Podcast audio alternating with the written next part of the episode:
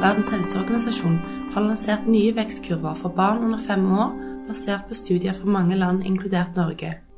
Som en del av temaserien om ernæring og helse publiseres disse i siste nummer av tidsskriftet. Velkommen til tidsskriftets podkast for nummer 18 2007. Den nye vekststandarden fra WHO er basert på morsmelkernærte barn, i motsetning til vekstreferanse fra 1978, som i stor grad var basert på morsmelkserstatning. Det forteller en av forfatterne, Anne Bærug. Hva er WHOs vekststandard, og hva var bakgrunnen for å endre de internasjonale referansene som har blitt brukt siden 1978? Ja, WHO har altså laget uh, nye vekststandarder for barn i alderen 0 til 5 år, og beregnet for barn i alle land. En viktig grunn til å lage disse nye vekstkurvene var at tidligere kurver har vist seg uegnet til å vurdere morsmelkernærte barns vekst. Det viser seg nemlig at fra to-tre måneders alder er vektøkningen lavere hos, eh, hos brysternærte barn, vurdert med da, denne gamle WHO-kurven, som var basert på amerikanske barn som i stor grad fikk morsmelkerstatning.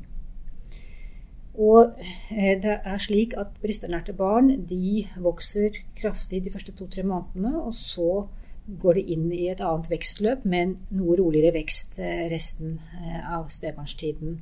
Og den, disse gamle kurvene har dermed ført til at man har feilvurdert brysternærte barns vekst til å være for liten, og anbefalt tillegg fra to-tre måneders alder allerede. Enn at dette var barn da som var sunne og friske.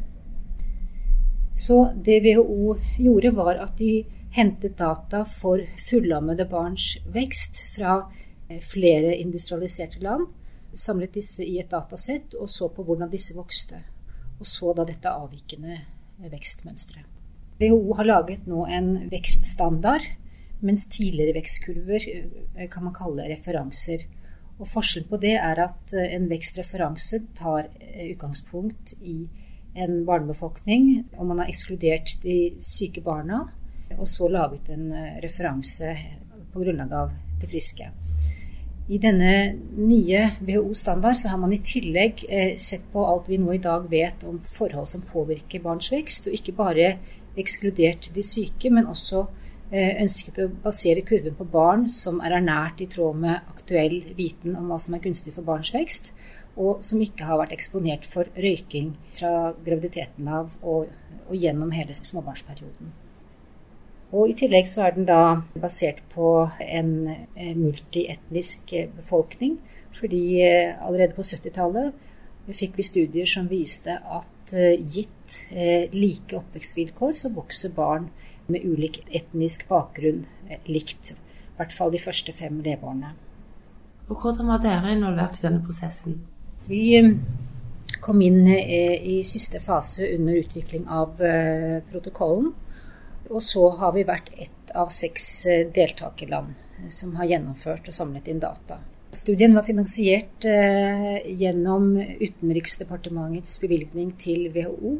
Og UD har også, i tillegg til å bevilge den norske deltakelsen, også støttet den sentrale koordineringen av studien. Hvordan er den nye vekststandarden annerledes enn den fra 1978? Den eh, er jo basert på et multietnisk utvalg. Den er basert på eh, brysternærte barns vekst. Og du kan si at funnene var som forventet langt på vei ved at man har en raskere vekst de første to-tre månedene, så flater den av og er mer moderat i de første to årene. Men ellers må man studere hvert, hver enkelt persentil, for den varierer. Det er liksom varierende tendenser. Hvorfor er denne nye vekststandarden viktig, og har den klinisk relevans? WHOs siktemål har vært å forsøke å beskrive hva som er en sunn eller fysiologisk vekst. Og de gamle modellene hvor man tok utgangspunkt i en befolkning uten å legge til andre kriterier enn at de ikke var syke, de vil avspeile overvekt hvis det er en økning av overvekt i befolkningen. I en tid eh, med økende overvekt eh, i den vestlige verden, og delvis også i fattige land, i deler av befolkningen der, så er det spesielt viktig å forsøke å beskrive hva som er en fysiologisk vekst, en vekst som er assosiert med best mulig helse på kort og lang sikt. Man har testet ut denne vekststandarden i befolkninger med både overernæring og underernæring.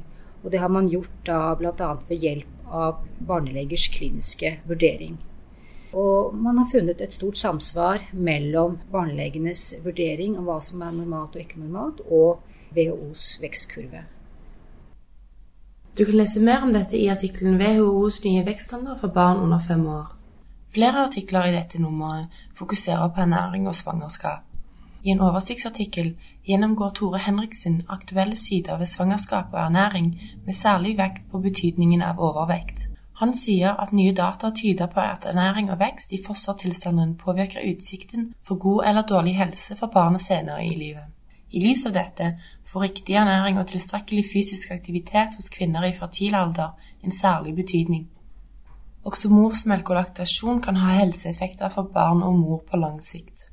Det viser en annen oversiktsartikkel i temaserien som fokuserer på morsmelk, immunrespons og helseeffekter. Takk for at du hørte på Tidsskriftets podkast. På gjenhør.